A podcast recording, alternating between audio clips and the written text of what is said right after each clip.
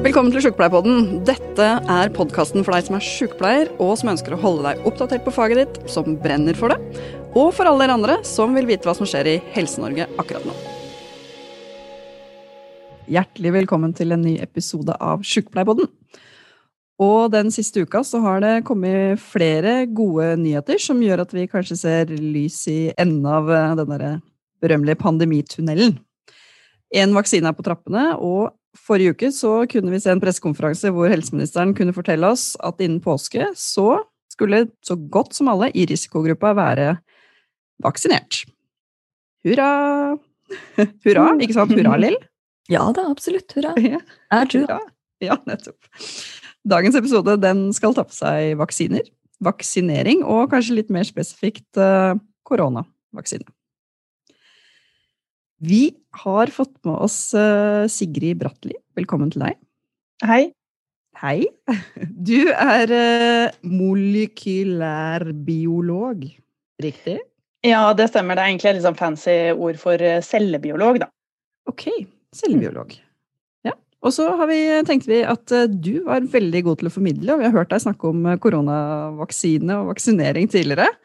Og tenkte vi måtte spørre om du hadde mulighet til å bli med. Og det sa du ja til med en gang, for du skrev dette er viktig å drive folkeopplysning rundt. Hvorfor det? Ja, altså alt det jeg jobber med som gjelder eh, særlig bioteknologi, eh, det trykker på noen knapper hos folk. Og det er mye hva skal jeg si, mer eller mindre riktig informasjon som spres eh, rundt omkring. Så, og dette her er jo tross alt et av de viktigste temaene som vi nå må ta tak i, for vi har en pandemi vi skal håndtere. Og desinformasjon det kan skape ganske mye trøbbel for oss når vi skal rulle ut disse vaksinene. Så det er viktig at folk skjønner hva dette er, eh, og hva det ikke er, disse vaksinene. Mm, ikke sant. Ja. ja og det er, jo, det er jo ganske mange som er skeptiske, har vi hørt. Redd for bivirkninger, redd for at det ikke er godt nok uh, utprøvd. Tenker de at de har en grunn til å være skeptisk? Eh, altså man skal alltid ha en viss skepsis, og man skal alltid vente på dataene. At man har dokumentasjon som sier at noe er trygt, før man tar det i bruk. Man skal ikke ukritisk hive seg på. Men når dokumentasjonen tilsier at dette skal være bra nok og trygt nok, så skal vi også stole på det. Og faktisk så Jeg vil bare si at det vi faktisk opplever nå, det er intet mindre enn en liten revolusjon eh, når det gjelder vaksiner. Eh, og jeg skal fortelle mer om hvorfor det etterpå, Mm. og hvorfor dette er noe vi skal være skikkelig glad for at det, at det skjer akkurat nå. Ok, revolusjon. Det høres bra ut. Lill? De som hører på nå, de ser jo dessverre ikke for at hun er sånn skikkelig engasjert både i blikk og i måten du beveger deg på, så jeg har veldig sansen for det. Du er da blitt presentert også som eh, liksom, den kvinnelige Espen Nakstad. Jeg tenker at Espen Nakstad kan være den, kvinne, den mannlige Sigrid Bratteli. det tar jeg med meg videre. Gjør det. Du, jeg tenker at En av grunnene til at vi ønsker deg med, er jo nettopp vi, vi gjennomførte en sånn eh, undersøkelse blant våre medlemmer. Vi gjennomfører stadig vekk undersøkelser blant våre medlemmer, men det her handler bl.a. om holdninger til kommende eh, vaksine. Og eh, der ble jo resultatet da at fem av ti sier eh, yes, selvfølgelig skal vi ta vaksinen, og det er jo bra. Og så har du én av ti som sier at eh, selvfølgelig skal vi ikke ta vaksinen, og det stiller vi også litt undrende til. Men, men så er det altså da fire av ti som beskriver at de er usikre. Og så tenker jeg at bare for å ha sagt det med en gang, så, så, som har sagt i en del medier når det her har kommet ut, og så er jo eh, 90% av sykepleiere er jo kvinner. Kvinner i fertil alder som både er gravid eller har planer om å bli gravid den nærmeste tida, og de skal jo ikke nødvendigvis ta denne vaksinen. Og så har du eh, flere blant helsepersonell som allerede har hatt eh, koronasmitte, og som dermed er usikre om de trenger å ta det på nytt når de har vært smitta. Så tallene er jo litt eh, grunna med det òg. Men så er det jo en del som da beskriver at de er usikre på virkning, bivirkning, og ikke minst også hvordan det følges opp i systemene i etterkant, med tanke på hvis de tar det som en del av jobben sin, og det blir noen bivirkning i etterkant, hvordan blir det med en eventuell yrkesskade? Så det er flere ting som ligger i det her. Men i det så hadde vi veldig lyst til å prate nettopp med, med deg om eh, For vi oppfatter jo at det er et behov for at vi snakker mer om, altså kunnskapsbasert, om hva er vaksinene, hva er det det kommer til å bli, hvordan er det det skal organiseres. Og så har det også vært viktig for oss at vi faktisk er med og blir involvert. Sant, eh, Ann Karin? Det har vært viktig for oss at vi ble involvert med FHI, og um, sånn at vi får ut denne informasjonen til våre sykepleiere. For det er ikke sånn at det er ikke gitt at sykepleiere blir invitert inn verken på sentralt hold knyttet til myndighetsnivå eller på lokalt nivå i kommunene når man planlegger for det her, og heller ikke på den informasjonen som kommer ut. Og Det tenker jeg er viktig å ha med. den informasjonen. Det er ikke sånn at sykepleiere som jobber 15-timersvakter, nødvendigvis har tid til å sette seg ned og lese i tillegg. Så en del av den usikkerheten tenker jeg er knytta til det. Mm. Men da vi må introdusere Ann-Karin, det har vi ikke gjort ennå, som også er med oss, leder av helsesykepleierne i Norsk Sykepleierforbund. Velkommen, Ann-Karin. Takk skal du ha. Og du er jo invitert med av en helt åpenbar grunn, og det er jo at helsesykepleierne har en ekstremt viktig rolle i vaksinering generelt. Mm. Og kommer også til å få en viktig rolle i vaksinering nå eh, knytta til uh, covid-19. Det stemmer. Hva, du, hva sier dine, eller hva sier helsesykepleierne om det som er på trappene nå? Vi er jo glad for at det kommer en vaksine så raskt. For det er jo noe med den situasjonen vi lever i alle sammen nå. Jeg tror alle En slags sånn uforutsigbarhet der alle bare går rundt og er redde og ikke får i gang sitt daglige liv sånn som de vil ha det tilbake igjen. Så jeg tenker det er bra. Og så er det sånn at uh, det holder ikke å utvikle en vaksine, den må jo også settes uh, og komme ut til der den skal være.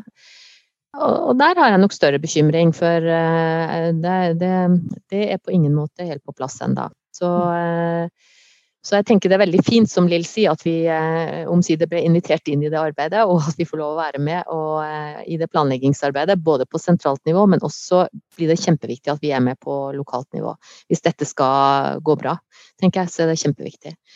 Og jeg tenker at Eh, alle eh, piler peker mot oss når det gjelder hvem som skal utføre dette. Så det er vi, den, det er vi jo heller ikke helt landa ennå, da, hvordan det skal gå. Men eh, det får vi vel se nærmere på. ja. Og Derfor er jo hensikten nettopp med denne sykepleierpodden som skal ut om ikke så altfor lenge, det er å nå ut til sykepleiere som har begynt å engasjere seg både lokalt, og selvfølgelig får tak i den informasjonen som er nødvendig på en god måte. Mm. Mm. Men nå har vi skjønt at det er eh, flere vaksiner med liksom i, i, vaksinekappløpet, kan man kalle det det, eh, for å komme først ut med en vaksine som kan masseproduseres og selges. Eh, Sigrid, hvem er det som liksom ligger i, i teten her nå? Er det, er det Sputnik, som den russiske vaksina heter? Ja, den ligger jo i hvert fall ganske godt an i, i, på, en måte på oppløpssida her nå. Men jeg tror for vår del så er det nok eh, de to eh, såkalte mRNA-vaksinene, den fra Pfizer og den fra Moderna, som ligger nærest oss og nærest å få de godkjenningene vi trenger. Jeg tror nok um, bare, altså Det er jo enda en, det er jo den fra AstraZeneca, uh, mm. som har vært omtalt en del de siste ukene. Som uh, har litt mindre entydige data på hvor effektiv den er, men den også nærmer seg nok et punkt at i hvert fall vi så at britene blant annet, de holder en knapp på den. De er jo, den er jo produsert, eh, eller utviklet, i England, så det kanskje har litt med saken å gjøre. Men, eh, men, de har i hvert fall høy tillit til den. da. Men det er jo flere av disse vaksinene som da nå nærmer seg godkjenning. Eh, jeg forventer at vi får godkjenninger i løpet av desember. Og I hvert fall ikke veldig langt ut på nyåret. Hm. Ja, det er jo Er det veldig, veldig raskt? Eller hva er det som gjør Du sa det var en revolusjon på vaksinefronten? Ja, altså, Jeg vil gjerne snakke litt om det med tidsaspektet. For det er jo både det som eh, gjør at dette er så positivt, men samtidig det som også skremmer mange. Det at det har gått så fort. Det er det argumentet som stadig trekkes fram, at her har man nok antagelig Det har gått litt fort i svingene. Men det er flere grunner til at det egentlig er veldig bra. Eh, for det første så altså Jeg skal kanskje si litt etter hvert om, om hva disse vaksinene er for noe. Men en av hovedgrunnene til at det har gått fort, er fordi at de er veldig enkle å produsere sammenlignet med de mer gammeldagse vaksinene, som tok veldig veldig lang tid å på en måte framstille i det hele tatt en dose. Altså Du skal dyrke fram eh, virus i egg. Det er sånn man har gjort det før. Mm. Eh, og det tar ofte mange, mange, mange måneder.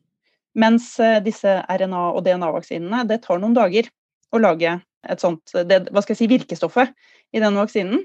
Så eh, den um, genetiske profilen til dette viruset ble kjent i januar. Det ble sluppet fra Kina ca. 11. januar. Mm. I februar så var den første dosen av eh, Moderna-vaksinen klar. Og den ble injisert i første testperson i mars. Så noen dager etter at vi stengte ned i Norge. Og det er altså en vitenskapelig bragd å få til det så fort. Og så har de gjort da testingen etterpå, fordi det skal gjennom sånne kliniske utprøvinger, alle disse vaksinene. Hvor de da tester på ulike størrelser av grupper eh, for å se om den er både trygg og effektiv. Og der har man fulgt helt vanlige protokoller. Det det også har vist, denne hastigheten, er at vanligvis når man utvikler legemidler og vaksiner, noe av grunnen til at det tar så lang tid, er fordi det mangler penger, det mangler kompetanse, og det er ofte ganske tregt byråkrati. Og nå, når det virkelig gjelder, så har de fått fart på seg. Mm. Det er også noe av grunnen til at dette har gått fort. Det er ikke fordi man har gjort dårlig testing, det er fordi at vi har virkelig et stort problem som vi skal løse, og det er veldig stor interesse for å løse det. Det høres veldig bra ut. Det er jo noe med at uh, Lill, vi har jo fått noen bekymra sykepleiere som du var så vidt inne på i stad. Og noe av det de er bekymra for, er jo det at det Uh, som du sier, Sigrid, at det er, det er, en myte om at det har gått så fort at vi er egentlig fortsatt i sånn utprøving, uh, utprøvingsfase, og dette er ikke trygt. Og Lill, du har, du har snakka med flere sykepleiere som har sagt det at nå har vi liksom vært i frontlinja, nå, nå holder det. Mm. Hva tenker du? Jeg begrunner det selvfølgelig også med det at det er en betinga godkjenning som ligger. sånn at Den er jo ikke prøvd ut sånn som vi kjenner en uh, vanlig vaksinasjonsprogrammet vårt. Den er selvfølgelig ikke prøvd ut over ti år. Det er jo en betinga godkjenning, og det, det, tenker jeg det er en reell uh, uro som man selvfølgelig har knytta til det, som, som, vil jo være med alle nye vaksiner som sådan. Men det kan sikkert Sigrid si noe mm. Ja, jeg kan jo godt det. Eh, altså, det stilles jo noen minimumskrav til hva som kreves av dokumentasjon for å si at noe er kvalifiserer, da, etter standardene som eh, legemiddelmyndighetene opererer etter. Og det at man begynner å være litt mer fleksibel i måten man godkjenner på, at man gir betinget godkjenning, det ser vi også på andre områder, ikke bare vaksiner. Men f.eks. en del legemidler hvor man for har veldig små pasientgrupper. Eh, hvor det tar veldig veldig lang tid å teste ut noe etter de hva skal jeg si, tradisjonelle metodene. Da men at man tilpasser seg litt. Og det er egentlig bare positivt. Men det betyr ikke at man har senket standarden så lavt at man ikke kan stole på dataene. Og det er jo veldig viktig å huske på. Man har ganske strenge krav i dag til å teste ut eh, legemidler og vaksiner. Men det er jo riktig som Lill sier, at dette her har jo ikke vært noe vi har mange års erfaring med i store populasjoner. Det skal man jo selvfølgelig være klar over.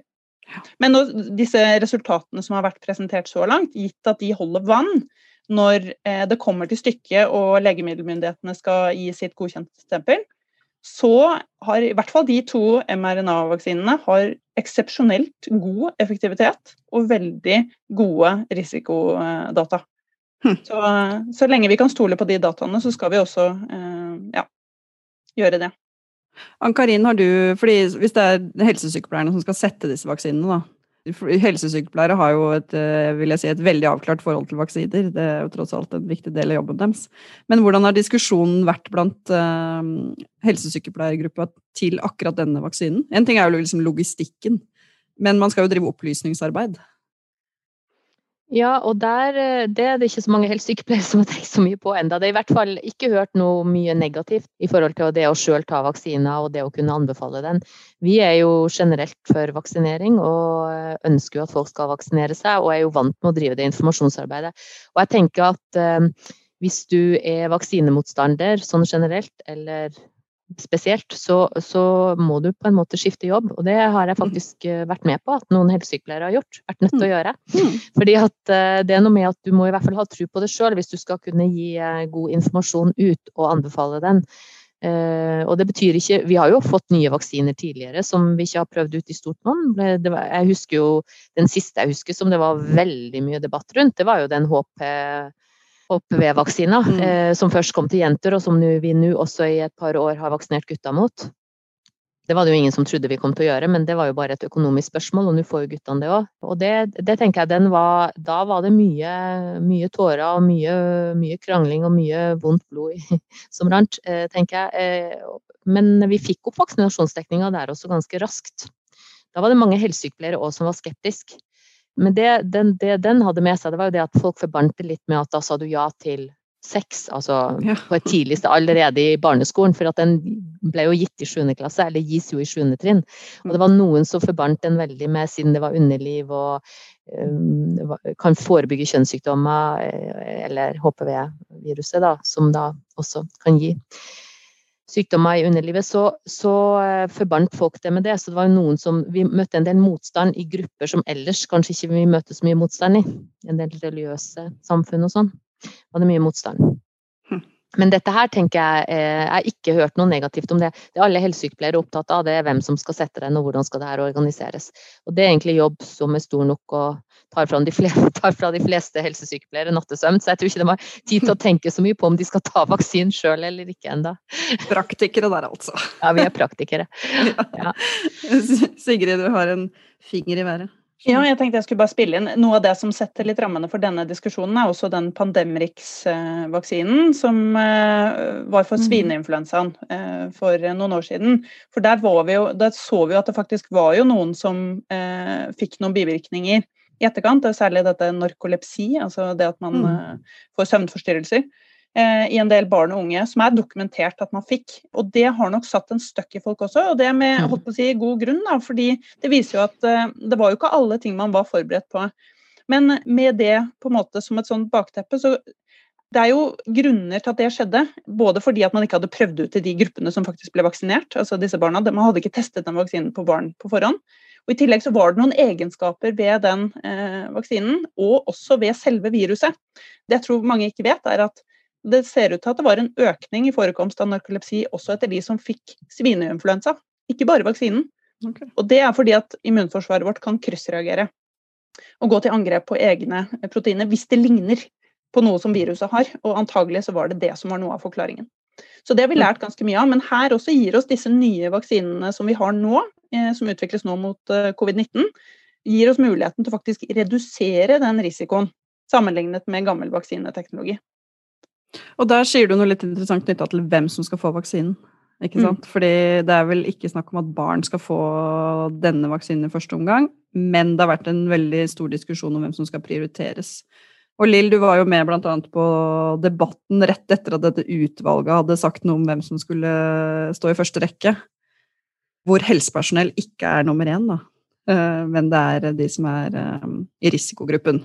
Det er jo en eh, dynamisk prioritering som eh, ja. de da sånn sett har, eh, har støtta etikkutvalget sin, sin, vurdering av det. Mm. Og i det ligger det jo at hvis det blir områder med et annet smittetrykk, eller der vaksinen virker annerledes enn det vi tenker per i dag, i alle fall, eller det vi hadde lært på det her tidspunktet, så vil det kunne vurderes annerledes.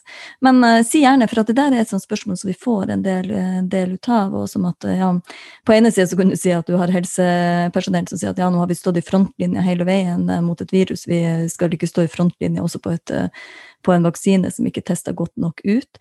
Og der tenker jeg du svarer jo ut, eh, Sigrid, med å si noen ting. Og du sier egentlig to ting. Du er at vaksinen er godt nok testa ut, altså man har ikke senka kravene på det, selv om det er en betinga godkjenning, og at det er flere medikamenter også som har en betinga godkjenning. Og det andre du sier, er jo noen ting om at det å bli smitta av selve viruset er jo en risiko i seg sjøl, det òg. Mm. Sånn her reduserer du, eh, reduserer du gjennom den vaksinen. Så ja, ethvert medikament, også en vaksine, vil jo kunne ha noen bivirkninger som sådan. Men det har jo sannelig sykdommen òg. Eh, så det er noe med risikoen på det. Og der eh, snakka jeg meg bort, fordi at det det egentlig spurte om, var det med etikkutvalg. Prioriteringer. Prioriteringer. Mm. Fordi at en del av spørsmålene går også på det med mm, hvorfor ikke helsepersonell skal være prioritert, for at de vil jo da være med på å beskytte pasienter, eh, sårbare pasienter. Sånn, sånn som vi ser med kryssmitte f.eks. på sykehjem, eh, der det går mellom flere ulike institusjoner. Sigrid, har du noe svar på det? Nei, jeg tror egentlig ikke jeg har noe sånn veldig godt svar på akkurat det. Eh, det blir jo hele tiden en avveining i forhold til hvordan man totalt sett opplever risikobildet. Hvem som skal få vaksinen til enhver tid. Så, mm. eh, men da stoler jeg på Nakstad. Eh, at han og gjengen gjør gode vurderinger. Det vil jo komme an på smittetrykket på tidspunktet hvor også, eh, denne vaksinen rulles ut. Og vi har jo vært inne i den diskusjonen, Sykepleierforbundet også, knytta til hvilken gruppe skal komme først. Og vi, som Lill sa så, så, vidt det var i stad, så var jo vi enig i, i det som kom fra utvalget om at det var riktig å prioritere risikogruppene først. Og de eldste, de sykeste eldste aller først, som jo har en mye høyere risiko for død enn den friske delen av befolkninga. Og så er det jo selvfølgelig sånn at helsepersonell som er i risikogruppa, vil jo også få eh, tilbud om vaksine. Men da, var så, da? Når liksom vaksinen er kommet, vi kommer til påske, store deler av befolkningen er blitt vaksinert. Er da er pandemien over? Hva skjer da? Noen som vet? Nei, jeg vet ikke om jeg kan gi deg et godt svar, men det vil jo ta lang tid før vi er eh, ferdig med denne pandemien. Det er jo mm. veldig mange som må vaksineres, og så må man vaksinere en stor nok andel av befolkningen til at man eh, reduserer det smittetrykket nok. Da. Så vi vil nok eh, måtte regne med å stå i dette ganske lenge. Og der var vi inne på noe med dette med, med som Ann-Karin var inne på, som med distribusjon og logistikk og sånne ting som det gjelder jo både i helsetjenesten, altså de som faktisk skal sette vaksinene, men også da hvordan man skal få vaksinene ut i de forskjellige områdene. Det vil også være ganske krevende. Eh, og ikke minst for disse nye vaksinene, for det er jo en av baksidene ved de, er at eh, de trenger eh, en del infrastruktur, bl.a. kjølekapasitet, for å holde dem stabile. Som gjør at det kan være mer vanskelig enn vanlige vaksiner å få dem transportert effektivt og billig. Fordi den skal ha, holde 70 grader minus, eh, noen av dem? Ja, i hvert fall den ene av de skal det. Eh, og det er fordi at disse molekylene, disse RNA-molekylene er mer ustabile. De er litt sånn skjøre. Så eh, hvis du skal beholde dem intakte, så må du holde det veldig kaldt. Men den er litt bedre, den fra Moderna, som også er en sånn RNA-vaksine. Men de har holdt på å si, pakket den inn litt annerledes i noen sånne fettbobler som, som gjør at den holder seg litt mer stabil. Så faktisk der er det trengs ikke fullt så kaldt. Og det, etter de, det jeg har sett av dokumentasjon, så, så holder det for så vidt med de type logistikksystemer man har for mat, f.eks. Det å holde det kjølig, men ikke sånn ultrakaldt. Så den, den har jeg mer tro på, faktisk. Nå har du to ganger sagt at dette er en sånn eh, såkalt RNA-vaksine. Kan ikke du mm. si hva det betyr? Altså, RNA det er noe som, som, cellene våre bruker til å kommunisere. Det er sånn de gir beskjeder i uh, type produksjonslinjer inni kroppen vår. Vi lager masse proteiner som vi trenger, som, eller som cellene trenger for å gjøre jobben sin. Uh, så det er egentlig bare uh, altså en bit med informasjon som, som, går rundt i cellen. Så kan man da gi en vaksine bestående av da en sånn bitte liten RNA, som egentlig er bare da en beskjed, om å lage en liten bit av viruset. Du lager ikke et helt virus, du lager bare en bitte liten bit av det som immunforsvaret vårt bruker til å øve seg på. på en måte. Altså Det får på en måte sånn forhåndssignalement eh, om hvordan dette viruset ser ut. da. Eh, et sånn gjenkjennelig eh, trekk ved viruset, sånn at de vet hva de skal se etter når viruset kommer. Så det virker jo egentlig på samme måte som alle vaksiner gjør. At de mm. trener opp immunforsvaret til å gjøre jobben sin når viruset faktisk kommer, men da på en litt annen måte. Og det er mye mer effektivt for oss å bruke våre egne celler og la dem produsere dette, enn at vi gjør det eksternt i, i hønseegg og produserer viruset på den måten vi har gjort før. Men jeg, hører jo, jeg ser jo at det er en del konspirasjonsteorier rundt det her. Noen sier jo at det er å tukle med arvestoffet vårt, og det er ikke måte på Eh, hva, hva, som ligger i dette. Hvordan møter man de argumentene? Eh, ja, det, det, er jo noe med å kommunisere dette på en måte som på en måte respekterer at dette er jo kompliserte ting. Og det er jo ikke så rart at folk eh, lurer litt på hva det er. Og det høres jo kanskje litt sånn ut, men RNA det er som sagt noe som det finnes billioner av inni cellene våre til enhver tid de endrer ikke på arvestoffet vårt. Det er eh, på en måte en slags avskrift som tas av DNA for å eh, gi beskjeder videre i cellen. Og vi vet veldig sikkert at ikke det har noen mulighet til å påvirke arvestoffet vårt i det hele tatt. Og det er veldig midlertidig. Det er jo Grunnen til at man må holde det så innmari kaldt, er jo fordi at det er ustabilt. Og av samme grunn så forsvinner det også ganske fort. Og det er også grunnen til at man må gi to doser av disse RNA-vaksinene for at du skal få nok effekt, fordi de forsvinner veldig fort. Mm. Så den risikoen for at det skjer noe med arvestoffet, er, eh, den er ikke-eksisterende. Mm. Rett og slett. Norge har jo kommet ganske godt ut av pandemien, både med tanke på antall smitta og antall døde. Og vi ser jo det også når vi diskuterer dette med vaksinering, at mange sier de ønsker å ta eh, vaksinen. Og det blir jo eh, fortalt eh, oss at dette handler om at Norge har eh, høy grad av tillit til myndighetene. Og tenker vi at det er annerledes enn de landene vi har rundt oss, i Europa f.eks., eller eh, handler det om andre ting? Det er jo interessant at, eh, at selv i USA, der eh, det er så høye smittetall, så er jo også skepsisen veldig høy. Og det er mange som sier at de ikke kommer til å ta den vaksinen. Så, men det reflekterer jo generelle trender, men også kanskje litt forskjellen på eh, tillit til myndighetene, bl.a. Vi ser jo det på mange områder. altså F.eks. det at pasienter ønsker å dele helsedata, som er noe helt annet. Men, men, vi ser jo at i Norge så har de jo ekstremt høy tillit til at det forvaltes godt. Ja. Mens i USA så stoler de ikke på legen sin engang.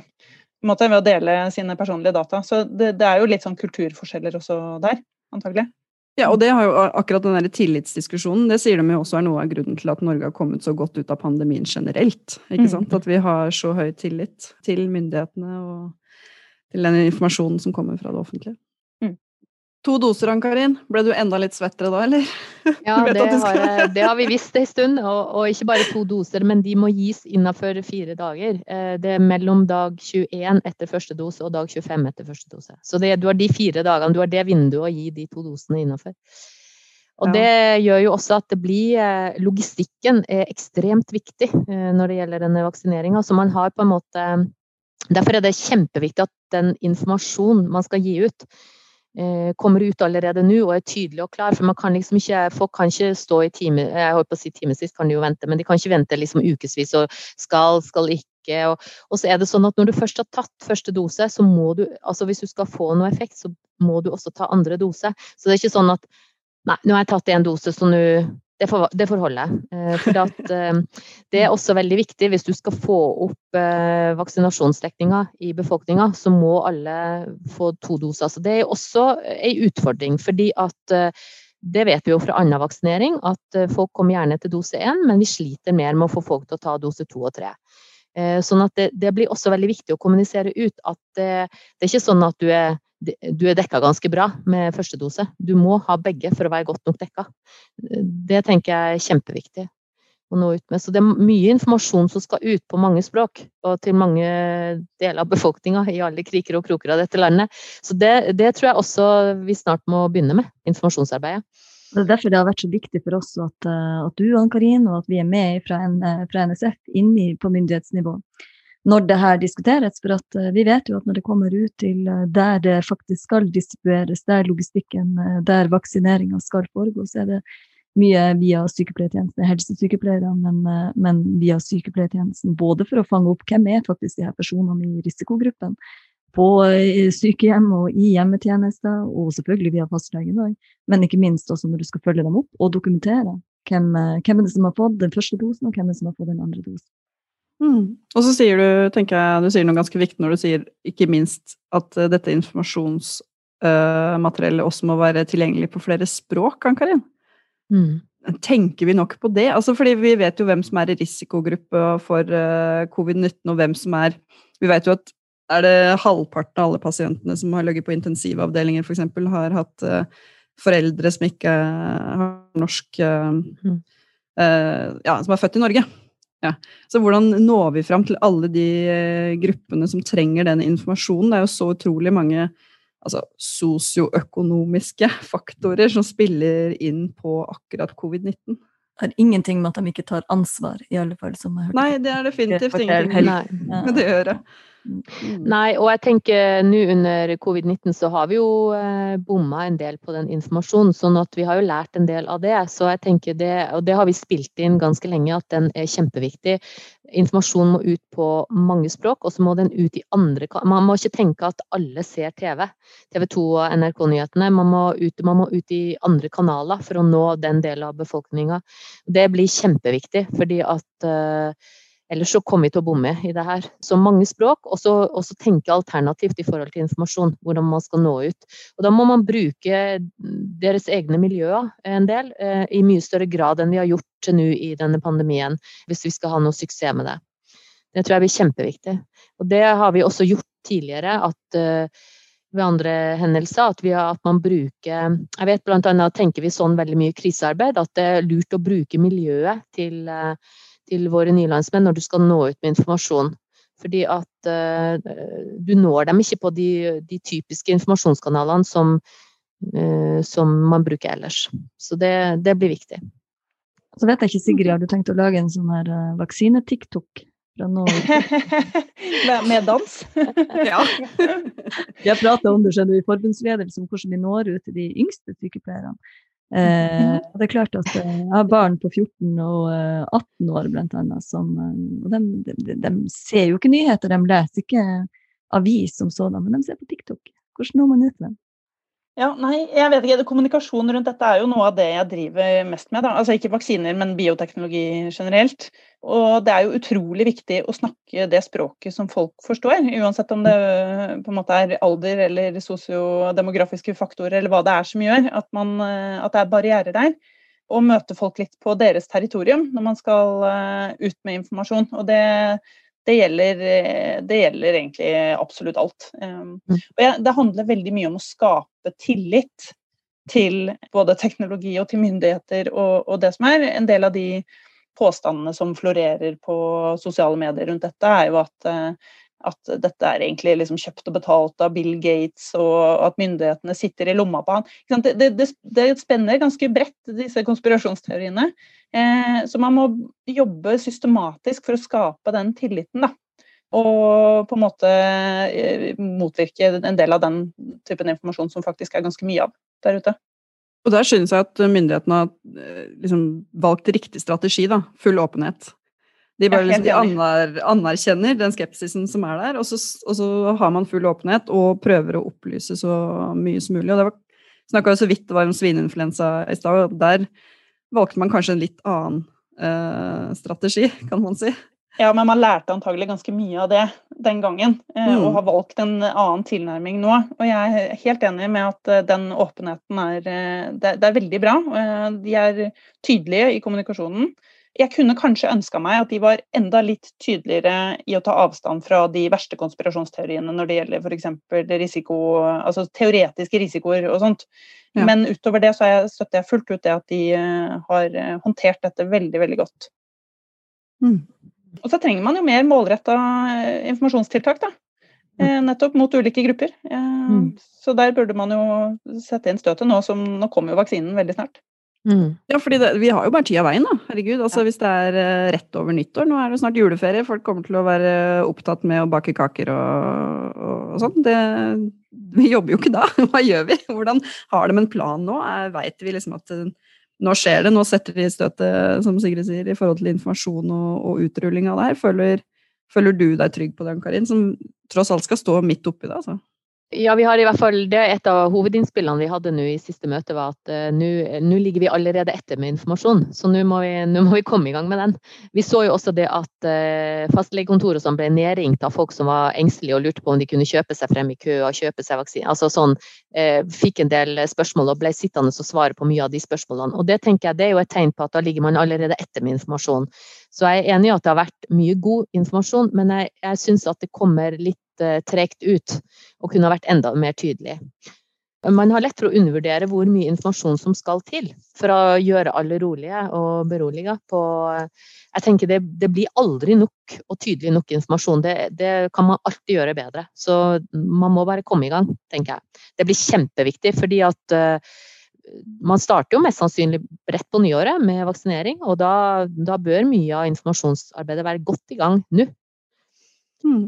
Mm. Hvor, eh, Lill, har, har, du tenkt noe på hvordan vi kan bidra, altså Sykepleierforbundet kan bidra til å skape den, den, roen og den tryggheten både blant våre egne medlemmer og pasienter? Liksom? Altså, eh, er det en TikTok? Eh, det er podkast? er, er, det andre, andre ja, det har i hvert fall tenkt. Vi har jo fått kritikk også for at vi har gått ut med Eh, og sagt noen ting om den usikkerheten som våre medlemmer sier noen ting om knytta til vaksinering, om at det burde vi som forbund holde oss eh, for gode for, og sykepleiere bør eh, kunne sin altså være, være, kunnskapsbasert og dermed lese seg opp eller finne ut av det her. Selvfølgelig, altså, Vaksineringsprinsippene er jo, er jo essensielle. altså de, de, ligger jo der, og sykepleierne følger jo dem.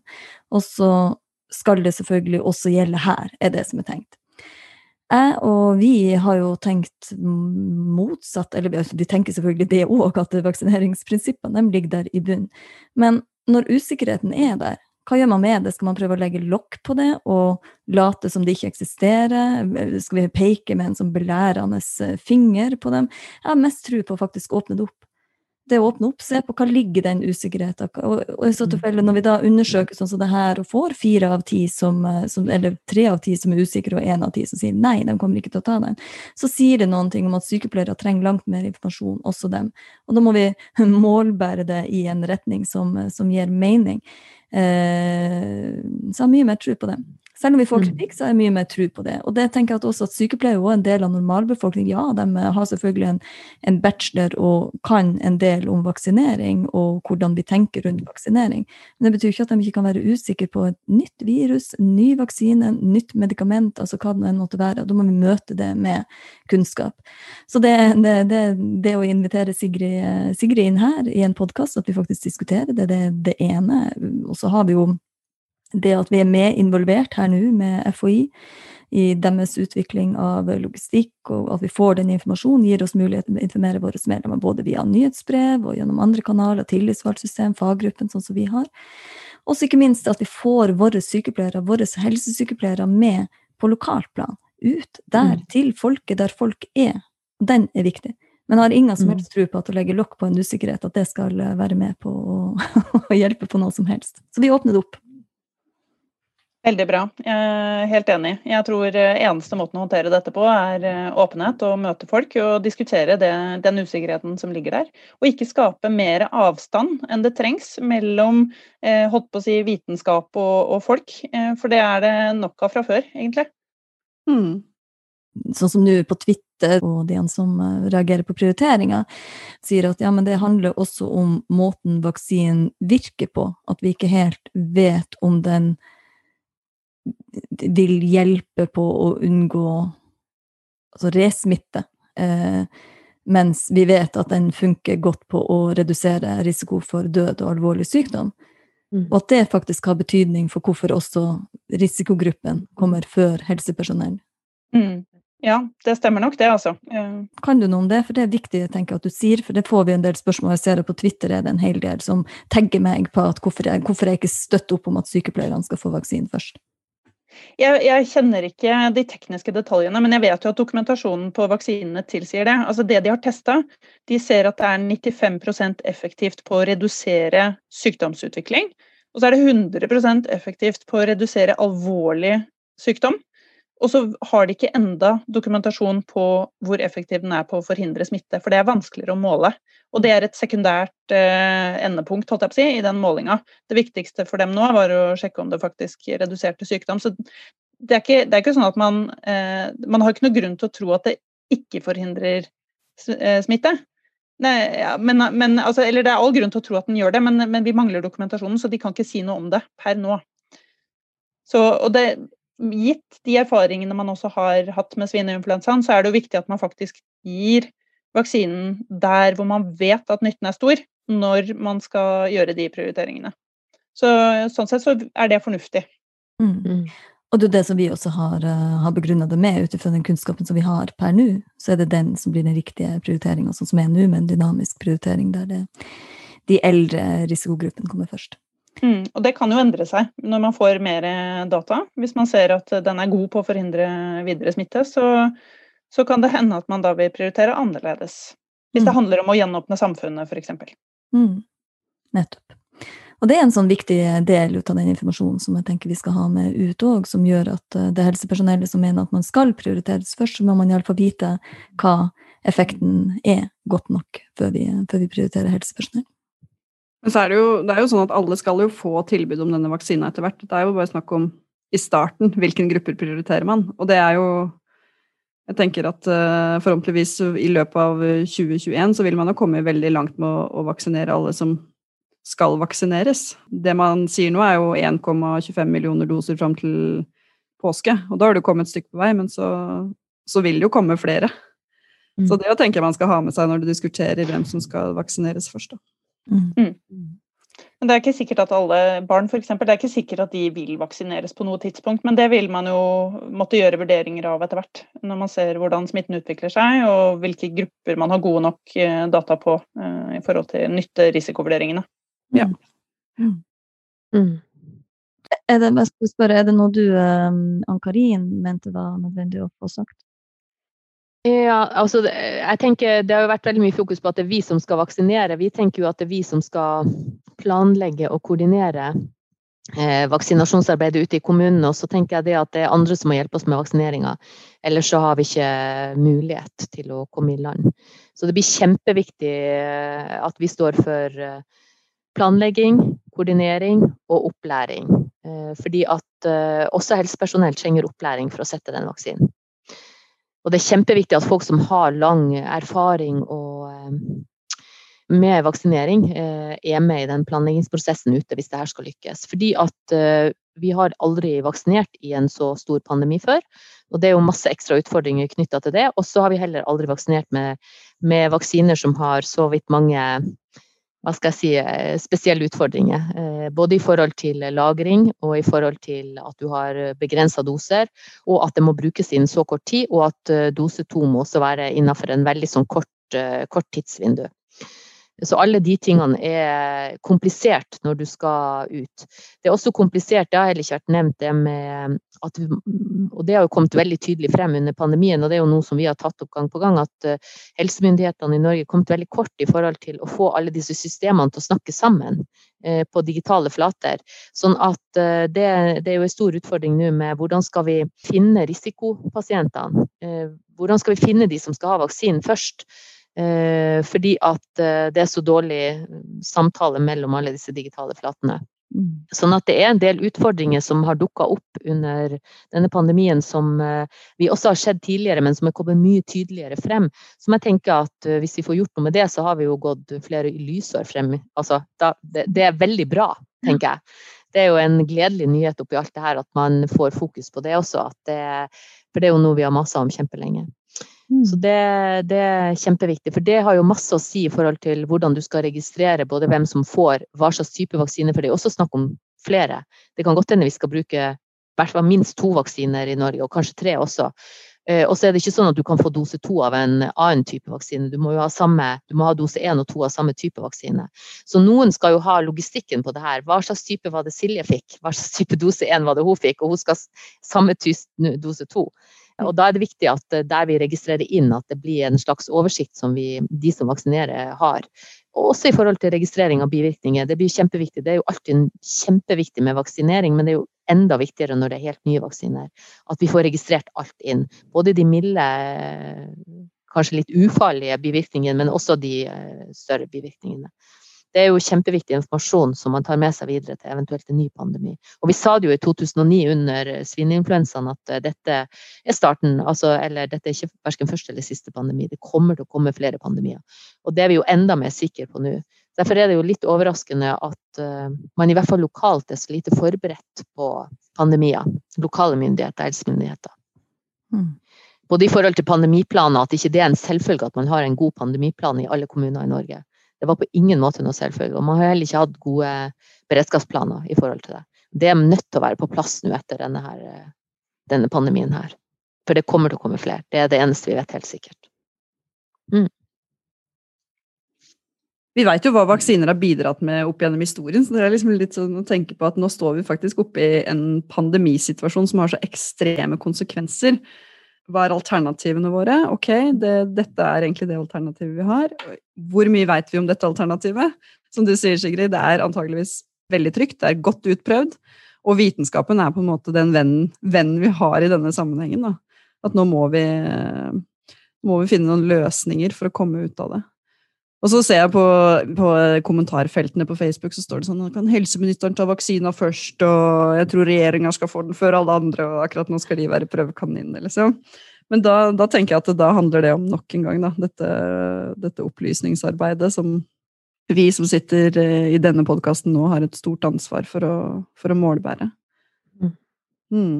Derfor tenker jeg noe med det viktigste som, som Sigrid og, og du sier, noen, sier noe om, er jo risikoen ved å bli smitta opp mot en risiko for å, med knytta til vaksinen. Og det, hva betyr det at det er betinga godkjenning? Det betyr ikke at man har senka standarder, det betyr bare at det ikke kanskje prøvd ut på alle grupper, eller som du sier, på barn, eller over en lengre periode på den måten. Og så for oss har det vært viktig, Ann Karine, og du har jo prata mye inn mot myndighetene også på det, at det faktisk da Hvordan skal det registreres? Hvem er det som har det koordinerende ansvaret for å registrere virkning og bivirkning? For det er jo ikke bare en en bivirkning som et rødt merke er jo én ting, men hvordan registrerer du eventuelt bivirkning etter to uker, etter to måneder? At man har et system, at man har et godt system på det, og særlig når det skal gå fort. Og det tenker jeg også er en del av den usikkerheten som ligger for sykepleierne våre. Hvordan er det det skal gjøres? Så det å, å få informasjon, én ting om hvordan vaksiner som er på plass, hvordan som kommer, hvordan logistikken skal være knytta til faktisk vaksinering, men også oppfølging i etterkant har betydning for å trygge både meg og andre sykepleiere. Mm, og meg også. Jeg vil også gjerne ha dokumentasjonen løpende i etterkant for å følge dette tett. Eh, og det er det som vil skape den tilliten på sikt også.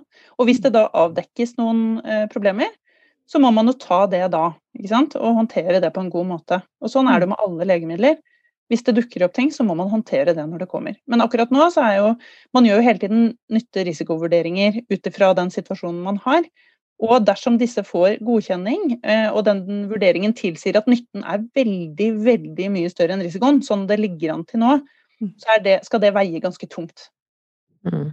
Det er jo litt sånn som jeg setter meg i bilen og kjører til Oslo, eller så kjører i stedet for å ta beina fatt, fordi altså, jeg vet det er en risiko ved å kjøre bil, men allikevel så tar det så lang tid å gå. Og noen ganger så er det jo Det er sånn vi lever livene våre på mange måter tror det er risiko hvis du skal gått langs den veien der òg. Ja, kunne jeg jo gått, kunne jeg gått gjennom skogen, da. Fått trim. Altså, vi lever i en global verden. Og uh, jeg har veldig lyst til å både reise til Sverige og kanskje til og med til andre deler av verden om ikke så lenge. Hvor stor andel av altså, verdens befolkning må være vaksinert før vi kan begynne å bevege oss sånn vi var vant med eh, igjen? En ting er liksom her i Norge, men, men, globalt, da? Det vet jeg ikke om noen kan svare helt nøyaktig på. Det kommer jo an på hvem som blir vaksinert, og hvor stor andel som er vaksinert, og hvordan dette viruset utvikler seg videre. Så det, jeg tror vi må ta et skritt av gangen, rett og slett, eh, og gjøre løpende vurderinger på det. Men jeg, jeg håper eh, at eh, Bent Høie og hans kolleger har rett når de sier at til sommeren så vil ting se ganske annerledes ut. Mm. Eh, det håper jeg. Eh, I hvert fall hvis da vi lykkes med utrullingen av den vaksinen, sånn som er planlagt. Mm. Men det er også en etisk betraktning eh, knytta til det òg, om eh, hvor stor del av Norges befolkning, hvor stor av Europas ikke sant? Vi har, Det er en global pandemi, så vi må sørge for at det mm. faktisk eh, når ut globalt også. Også for at vårt samfunn skal kunne fungere, så er vi jo, ikke, vi er jo avhengig av, av verden rundt oss òg. Mm. mm. Ok. Tusen takk. Jeg ble veldig Jeg ble klokere av det her, rett og slett. Det, mm.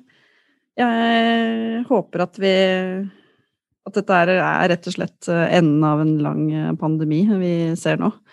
Men så sier de jo også, bare helt sånn, ikke for å avslutte på den veldig sånn dystopiske siden, men de sier jo også at pandemier osv. vil jo være en del av kanskje hverdagen vår i større grad fremover. Både av måten vi har behandla jorda vår på, og, og andre ting.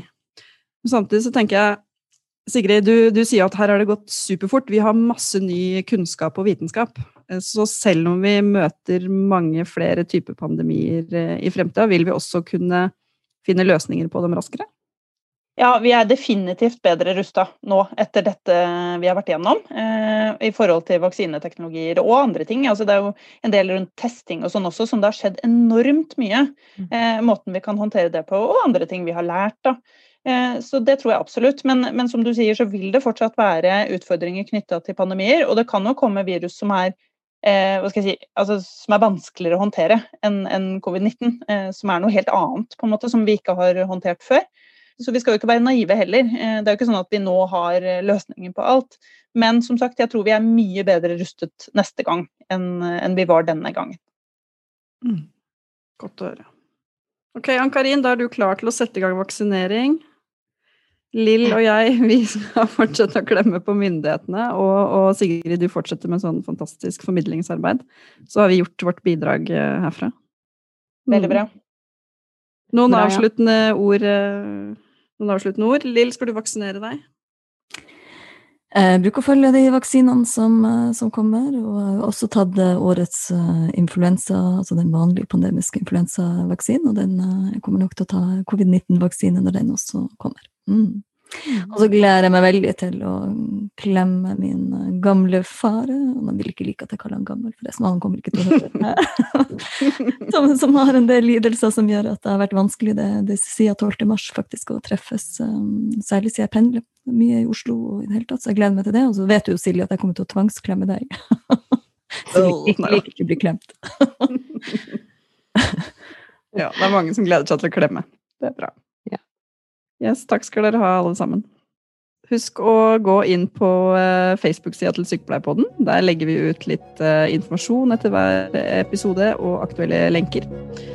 Og så kommer det antageligvis en ny episode neste uke. Den er ikke helt avklart ennå, men vi høres.